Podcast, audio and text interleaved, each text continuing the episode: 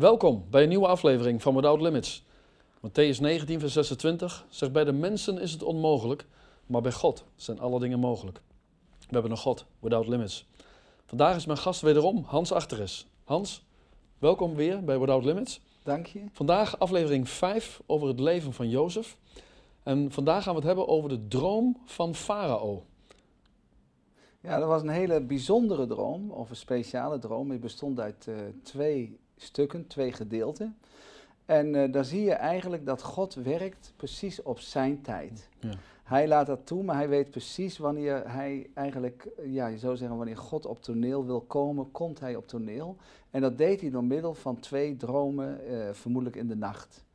En je ziet dat God hierbij een heidense farao uh, gebruikt als instrument van hem. Uh, er wordt zelfs van Kores, staat er, dat zijn geest werd opgewekt. Dat was ook een koning te Babel. Uh, zodat hij uh, bereid was om het hele volk van Israël weer terug te laten gaan naar het Joodse land, naar Israël zelf. En daar wordt zelfs in de Bijbel Kores, een heidenkoning, de gezalfde knecht van God genoemd. Hm. Totaal ongelovig. Dus als God iets wil en bewerken, dan gebruikt hij als een loopjongen, ook is het in dit geval een heidense farao voor zijn plannen. Jezus zegt, mij is gegeven alle macht. Ja in hemel en op, aarde. en op aarde. Alle macht. En er ontkomt niemand aan. Wat God wil, zal gebeuren. Ja, nu hebben we nog het land Israël. Is, het uh, begon eigenlijk met de droom van Farao. Dit is nog steeds een uitvloeisel van de droom van Farao. Jozef was 17 jaar, toen had hij twee dromen, waarin de mensen of anderen voor hem gingen buigen. En uh, ja, die voorspelling, toen de tijd in die droom, uh, die heeft 13 jaar geduurd voordat hij uitkwam. Dus de wachttijd van Jozef was 13 jaar. Uh, hij was nu 30 jaar. We gaan dat zo of de komende tijd bekijken. Ja. Wat gebeurt er? Dat God inderdaad de uitspraak die hij deed, de voorspelling die hij aan Jozef gaf en die hij ook heeft verkondigd aan zijn broers, uit ging komen. Er staat in Psalm 105, vers 19, ik lees het daarvoor, totdat. Bij de Heer is het altijd totdat. Totdat Jozef zijn voorspelling uitkwam en de Heere zijn onschuld bewees. Maar hij moest wel 13 jaar in de beproeving. En dat is niet makkelijk, 13 jaar in de beproeving. Maar waarom zo'n lange wachttijd? Ja, uh, ik, uh, ik denk zelf dat de Heere, en dat vind ik, vind ik wel moeilijk om te zeggen, hij laat dingen toe, soms heel lang, soms denken we van waarom? Waarom moet het nou zo lang duren? Waarom? Hoe lang? Staat er in Psalm 13. Staat hoe lang, heren? Hoe lang, heren? Maar hij doet dingen als wij blijven vertrouwen altijd tot zijn eer. Tot zijn roem. Tot zijn lof. En uh, ja, dan moet je ook zeggen, arme ik. Ja. Inderdaad, gewoon arme ik. Go omdat wij leren te zien dat God dingen toelaat en soms laat bestaan en voor ons soms moeilijk, maar dat het gaat om de roem en de eer en de lof van God. En dat je ook in die tijd waar je het moeilijk hebt, zegt, Heere, laat ik niet vergeten dat het gaat om uw roem en om uw lof. Als we misschien eens lezen, Genesis 41, vers 1 tot en met 13. 1 tot en met 13.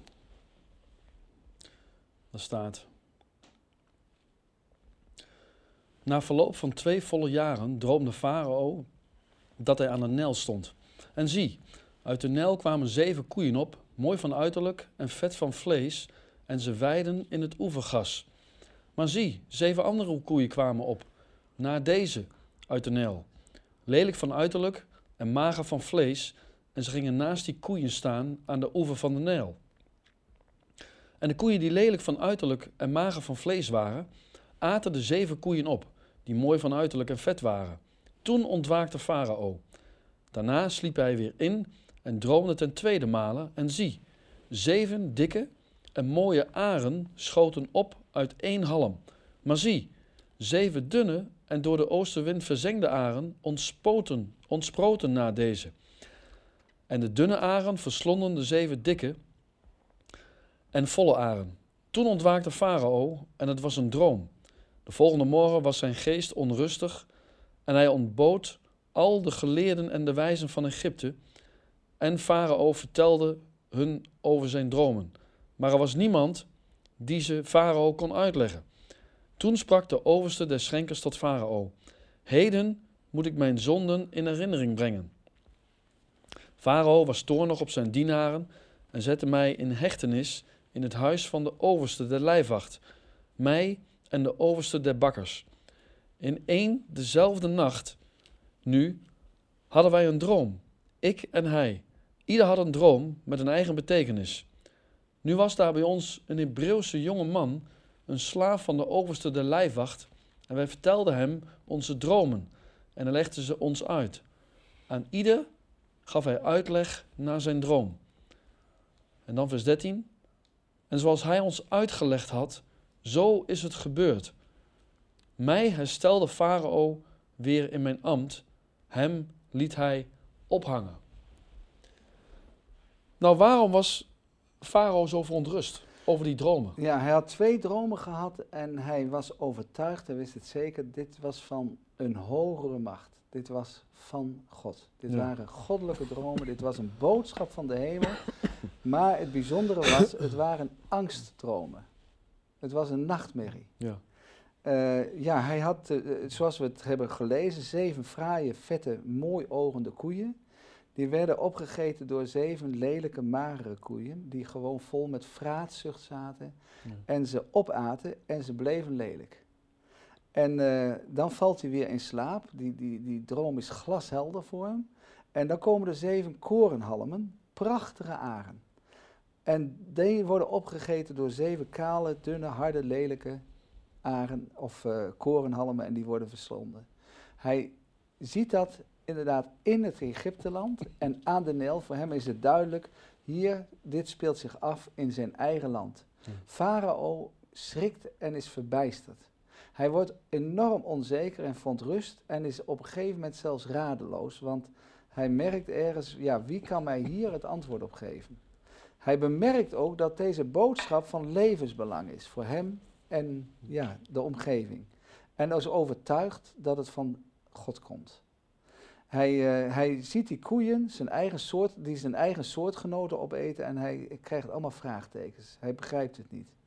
Hij ziet allemaal Egyptische beelden in die droom, dat is voor hem herkenbaar. En de Nijl is voor de Egyptenaar hun God. Ja. Ja, en Jozef, hè, die komt straks om de hoek en die gaat eh, spreken over zijn God. Hm. dat is een verschil. Maar er is dus een catastrofe die zich gaat afspelen, zo voelt hij het. Door die dromen die hebben wat te zeggen over de toekomst, maar hij weet niet wat ermee bedoeld wordt. Ze zijn dreigend, onheilspellend en gevaar. En hij belegt een vergadering.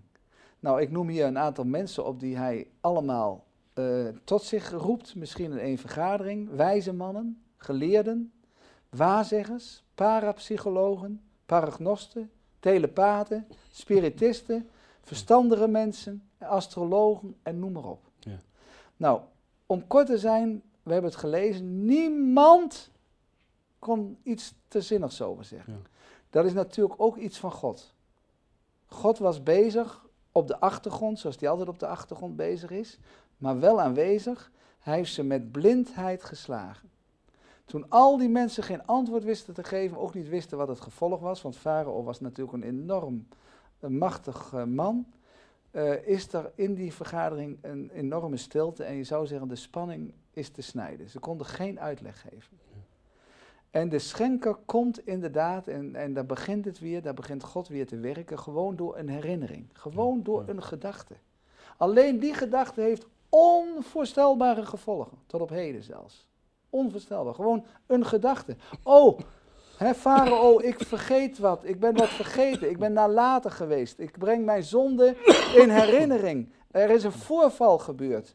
Er, eh, ik, eh, ik, heb, ik ben mijn belofte niet nagekomen. Ja. Hij, eh, er was een man, een jonge man in de gevangenis, een Hebreeuwse man. En die deed een uitleg, uitleg en de vervulling klopte. En alles klopte. De uitleg en de vervulling waren één. En het klopte. Hij heeft een verbluffend natuurtalent. Maar was het niet God die hem eigenlijk dat in herinnering bracht? Ja, dit is, ja daar, dat is iets bijzonders. De Heere begint soms heel klein. Denk maar aan de kribbe, een baby in Bethlehem. Maar het wordt een wereldbrand. maar het begint in de, in de kribbe. Het begint met een gedachte. Het begint schijnbaar onschuldig. Het begint klein, maar het wordt groot en grootser. En het wordt, eh, ja, dan, dan komt Jozef inderdaad. Ze hij wordt attent gemaakt voor het eerst op een gewone gevangene.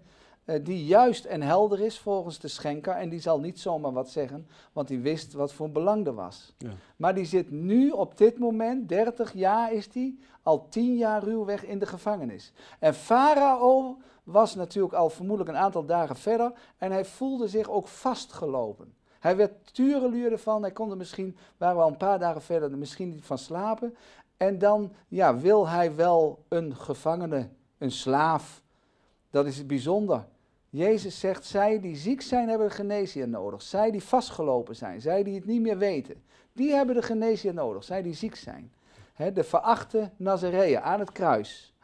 Dat is juist het bijzondere. Hè, dat, dat je soms op een punt moet komen dat je zegt, inderdaad, Heer, ik heb u nodig. Dat je moet zeggen, ja, zou die slaaf wat kunnen betekenen? Ik, ik, ik vind het onbegrijpelijk, maar wie weet, haal hem maar snel op, die verachte gevangenen, bij wijze van spreken. Hè? Maar goed, Hij had ook Ah, niets te verliezen. had niks, nee, had niks Ja. te verliezen, inderdaad. Hij baat het niet, dan schaadt het ook niet. Dat dacht hij. Jozef krijgt, die wordt uit de gevangenis gehaald. Hij, er staat letterlijk, hij wordt uit de kuil gehaald. Voor de tweede keer. Onvoorstelbare langere, lange putervaring wordt hij opgetrokken. En Jozef krijgt andere kleding. Eh, los van de pot, eh, putervaring komt hij inderdaad voor het eerst. Ja, en dat is natuurlijk eh, toch wel bijzonder. Is, heeft dat een betekenis, hè, dat hij een ander kleed om kreeg? Ja, ik heb daarover nagedacht en ik denk, ik denk dat we dat alleen maar geestelijk ook voor onszelf kunnen verstaan. Bij hem betekende verandering. Denk maar aan eerst het koninklijke kleed wat hij van zijn vader kreeg. Toen het slavenkleed bij Potifar. Toen de gevangeniskleding. Nou, straks krijgt hij weer andere kleding. En het eindigt met eh, kleding die een onderkoning past, et cetera. Nou, dus je ziet inderdaad, eh, de Heer zegt ook tegen ons van, misschien hij voor de spiegel staat, zie je dezelfde, maar toch heb ik je bekleed met nieuwe klederen. Ja. En daar moet je van uitgaan, doe die nieuwe klederen aan van Jezus, die hij jou bekleedt. Hij wil je bekleden door middel van het woord, door middel van de Heilige Geest, door nieuwe gedachten. En dat zijn klederen. Hm. Dat zijn gewoon klederen. Je kunt bij wijze van spreken, en dat meen ik echt, elke dag een nieuw kleed aan doen. In Christus, door Christus. Dus terwijl je zelf denkt van, hé, hey, ben ik dat? Is er toch iets bijzonders. En het heeft allemaal te maken dat we inderdaad het oude is voorbij gegaan. Zie, het nieuwe is gekomen. De Heer zegt, ik werk met jou aan de toekomst. Ik wil jou geregeld nieuwe gedachten, nieuwe gevoelens, nieuwe richting geven. Nieuwe dingen gaan doen. Ja. En dat was ook bij, bij, bij Jozef zo. Hij voelde, hij wist door God, door de Heilige Geest, er komt nu een verandering. Ja. En, dat, en dat klopt. Ik zit in één keer te denken aan een, eh, toen jij dat zei, die verandering, met- als je een, een, zeg maar een ander kleed aantrekt of aankrijgt, eh moest ik in één keer denken aan een huwelijk. Hè, dan heb je een, een- de, vrouw heeft dan een trouwjurk Ja. en als ze getrouwd zijn, ja, dan is er een verandering. Hè, dan ben je man en vrouw, je bent één en, en, en eh, je gaat samen eh, leven en wonen en eh, ja, ook heel bijzonder eigenlijk. Ja, eh, de, de Heer, ik denk dat dat is de bedoeling. Hij gaat je helemaal, wil hij jou laten bemerken dat hij je nieuwe kleding wil geven. Hij heeft je bekleed met Christus. En het leven met God, het leven met Christus is niet saai. Hij heeft gezegd, het is een nieuw leven. Ja. En eh, ja, als je dat gaat bemerken, dan, eh, dan komt er verandering en ga je de dingen ook anders zien. En zo was het ook bij Jozef. En als je kijkt hè, naar de. Zou je kunnen zeggen dat Jozef een geestelijke gave had om, eh, ja, zeg maar, om dingen uit te leggen? Ja, ik, ik denk het zelf wel. eh, dat hij gewoon, dat zie je al heel duidelijk in zijn leven. Hij is goed in beleid, in het besturen. Hij heeft een goed verstand. Ik denk dat hij niet technisch was, maar dat is mijn gedachte. Dat, dat, eh, ja, Jozef, die, die komt inderdaad uit de gevangenis, hè, dat weten we. Dat, hij moet dat snel doen, want hoge heren hebben haast. In het algemeen is dat gemeen een spreekwoord. Nou, zijn vuile kleren uit, hij wordt geschoren, gewassen. En menselijk was hij misschien verbaasd. Hè? Plotseling gebeurde het. Ja. Maar geestelijk denk ik dat hij lachend naar Ja. de farao ging. Dat hij, hij misschien wist, al wel verwacht had. zijn, die dromen gaan in vervulling. Daar is verandering op komst, om het zo te, uit te drukken. Hij voelde het aan zijn water. Nou, hij dacht, dit is het moment. Ja, absoluut. Dit, nu komt het. En Ja. hij kwam in die zaal, vermoedelijk vol pracht en praal. En daar stond die eenvoudige Jozef. Misschien heeft hij in stilheid nog even de schenker gegroet. maar hij was vergevensgezind. We lezen een hele lijn van, van Jozef. Als mensen je soms aandoen, die vergeten je. Hij zou een goed woordje doen. Nee, de Heer zegt vergeeft elkaar, verdraagt elkaar. Ja. En ik denk de eerste knik was voor de schenker. Van, Ja. Nou, uiteindelijk is hij toch zijn belofte nagekomen. Ja, Alleen de- na een hele lange tijd. Ja, het duurde even, maar het kwam wel. En ik denk inderdaad, ja, dat, dat is iets van de Heer. Eh, de farao op dat moment was iemand die op zich, denk ik, zoals ik het inschat, niet aardig was. Hij was kort en duidelijk. Dus hij zegt, dit heb ik gedroomd en je zegt het maar. En eh, ja, ik zou haast zeggen, hoe zullen wij ons soms voelen? Nou weten wij dat ik, zoals ik het schets, heb ik Jozef geschetst zoals ik het zie. Ja. Maar hoe zullen wij ons voelen als we daar in zo'n situatie zouden komen, Ja. van de put naar het paleis? Ja. Dat is nog eens even een vraag. En dan eh, denk ik, kijk, hier lees ik, Farao zegt, jij hoeft maar een droom te horen om hem te kunnen uitleggen. Dus niet, hij zegt niets te veel en niets te weinig, je zegt het maar, met andere woorden. In het antwoord van Jozef geeft hij God alle eer en hij zei, ik kan het niet, God kan het wel. Ja. In dit opzicht vermag ik zelfs niets. En van mij zult u geen voordeel trekken. Maar God zelf is de enige uitlegger van deze geheime droom. En God zal een bevredigend antwoord geven aan Farao. Ja, Farao inderdaad, die, ik denk dat hij vanaf dat moment een, een sympathie krijgt voor Jozef. Ehm, mijn inziens ziet Farao het zo, hij, hij krijgt een goed gevoel over Jozef, zijn verschijning staat hem aan. hij, ziet, hij weet natuurlijk dat het een heel Hebreeuwse jongen is, of hij ziet het misschien aan hem. Hij is rustig en overtuigd.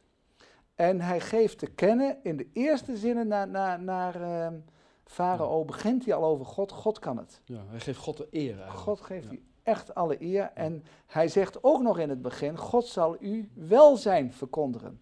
Ja. Welzijn, dus het beste. Als je kijkt naar Jozef, hè, dat je zegt van hij geeft God alle eer.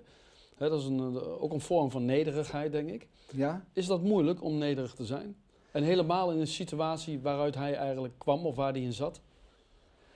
Eh, nou, ik denk dat, dat het op zich niet makkelijk is, eh, de, de situatie waar die uitkwam. Eh, want ja, je moet je voorstellen als je zo in donkerte en ellende hebt geleefd, want dat, dat zegt Jozef op een gegeven moment zelf. Maar hij heeft in, de, in het atelier van stilte, van rust, inderdaad, je zou zeggen, een, een, een, een, een bijzonder contact altijd onderhouden met God en God met hem. Ja. Maar het was wel het atelier van de stilte en van de rust en van dat je zegt inderdaad stille tijd. Here, inderdaad, wilt u wat in mij bewerken? Wilt u uw plannen volvoeren? En laat ik geduldig zijn, laat ik niet opstandig zijn, laat ik niet bitter worden. En dat hij wist, inderdaad, eindgoed, al goed. De Heer, die gaat inderdaad verder. Want hier zie je ook bij de uitleg, hè, de uitleg, eh, dat, dat je ziet dat eh Jozef een aantal dingen, bijzondere dingen tegen Farao zegt. Dus hij is ook vrijmoedig, hij is rustig, hij is overtuigd, hij staat onder Gods leiding en hij zegt dat u twee keer een droom hebt gehad, betekent dat het één geheel is. Dus de twee dromen hebben één boodschap. Ze bestaan uit één geheel. Nou, dat was nieuw voor Farao. Dus hij denkt, hé, hey, dit is natuurlijk bijzonder. Die inhoud, zegt hij, zegt Jozef, is een goddelijke openbaring. Eh, het komt van boven. En dat het twee keer herhaald is, is eh, dat het onveranderlijk is, dat het bij God ernst is, dat u snel moet handelen, zoals Jezus zegt, voor waar, voor waar. Ja. Als Jezus zegt voor waar, voor waar, dan zal het allemaal gebeuren wat hij daarna zegt. Ja. En hij zegt, er komt nu zegen, vanaf nu, vanaf dit moment, alle seconden, maar daarna zal er aansluitend een ramptijd komen, een hongersnood. De omliggende landen zullen ook last hebben. Egypte zal het broodland zijn. Er zal overvloed zijn en tekort. En de eerste droom gaat over gras. Dat heeft te maken, het vee zal ook getroffen worden. En de tweede droom gaat over koren. De mens zal ook getroffen worden, hongersnood. Dus tref maatregelen. En het toneel zal zijn het Midden-Oosten. Nu moet je beginnen, zegt hij aan Farao. Dus hij geeft hem ongevraagd advies. En nu, inderdaad, moet je maatregelen treffen. En Jozef spreekt met gezag en overtuiging. Nu dan, Farao. En hij noemt de naam van God drie keer. Kijk, en, en hier zie je dus inderdaad God zelf aan het werk door Jozef heen. Hij weet het zeker, dit gebeurt. Ja. En Farao, ja, ja, die is verbaasd, die is overtuigd. En die weet, dit is iemand waar de, geest van God in woont. Hij ziet eigenlijk dat, uh, dat Jozef weet waar hij over praat.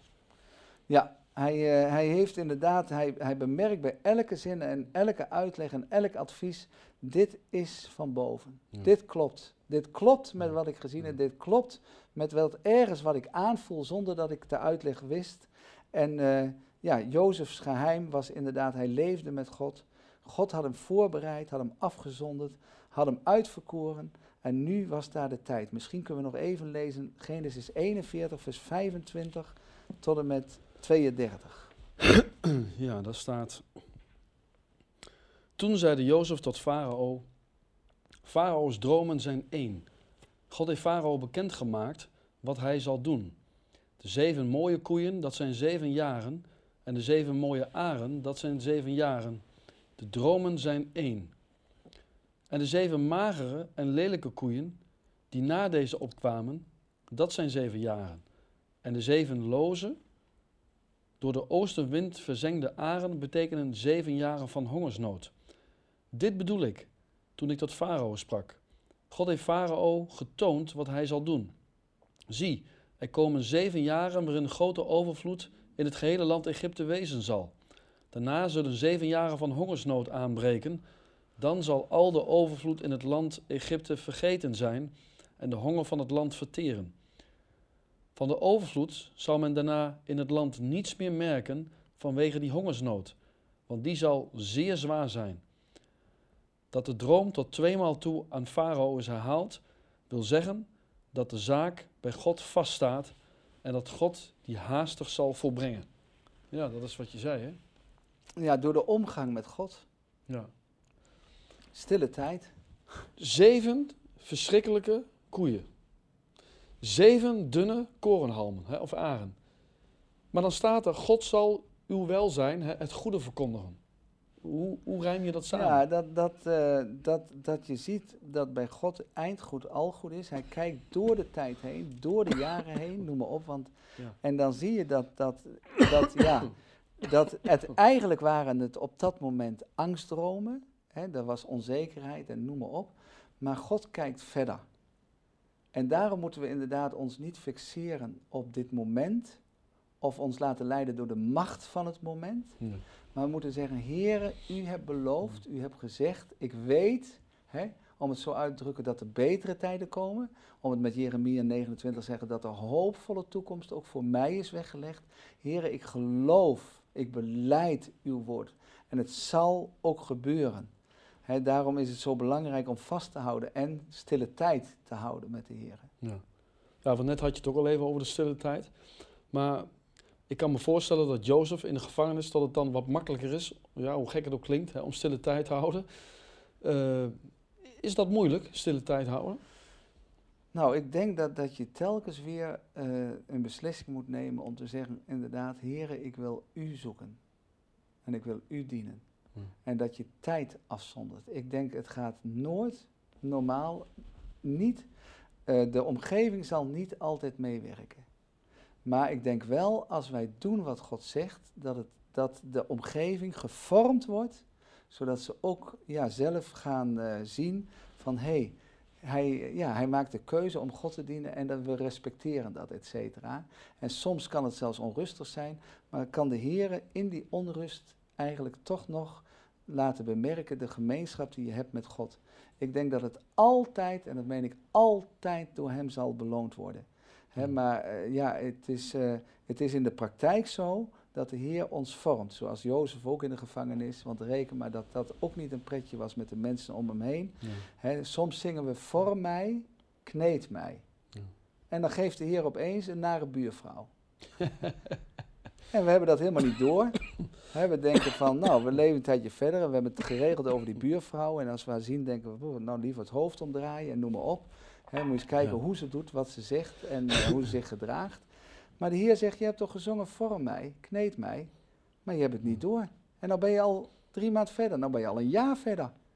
Maar ik gaf je zo'n buurvrouw om jou te kneden en om jou te vormen. De Heer laat soms moeilijke dingen toe om je karakter te vormen. Ik zeg ook wel eens, hè, als, je, als je nooit verdriet hebt, kun je God ook niet leren kennen als een trooster. Als je nooit ziek bent, kun je God nooit leren kennen als je genezer, Nee. et cetera. Nee, je moet eigenlijk soms eerst door bepaalde dingen heen. David moest 13 jaar in de verdrukking. Misschien moest Jezus ook wel 13 jaar in de verdrukking, in de anonimiteit, hè, bij zijn eigen gezin. Hè, werd hij misschien ook onder druk of moest hij eerst dienen? Sommige dingen moeten doorgloeien. De Heer geeft ons misschien wel een kroon, maar niet eerder dan dat ons karakter het kan dragen. Jozef kreeg niet eerder de kroon dan dat, dan dat hij doorgloeid was, om het zo uit te drukken, gevormd was, gekneed was, inderdaad, om de kroon van de Heer te ontvangen. En dat gaan we volgende keer lezen over zijn bevordering, zijn nieuwe taak, zijn aanzien, zijn verhoging. Ja, en eh, dan staat hier weer die typologie, als ik die, zal ik Ja. die voorlezen. Jozef, Genesis 41, vers 16. En Jozef antwoordde Farao, zeggende, geen zins, het is buiten mij. God zal Farao welzijn verkondigen. Jezus Christus, Johannes 7, vers 16. Mijn leer is niet van mij, maar van hem die mij gezonden heeft. En vers 18. Wie uit zichzelf spreekt, zoekt zijn eigen eer. Maar wie de eer zoekt van zijn zender, die is waar. En er is geen onrecht in hem. Prachtig. We moeten doen wat de Heer zegt. En Amen. dat is eh, dienstbaarheid. Amen. Nou Hans, dankjewel.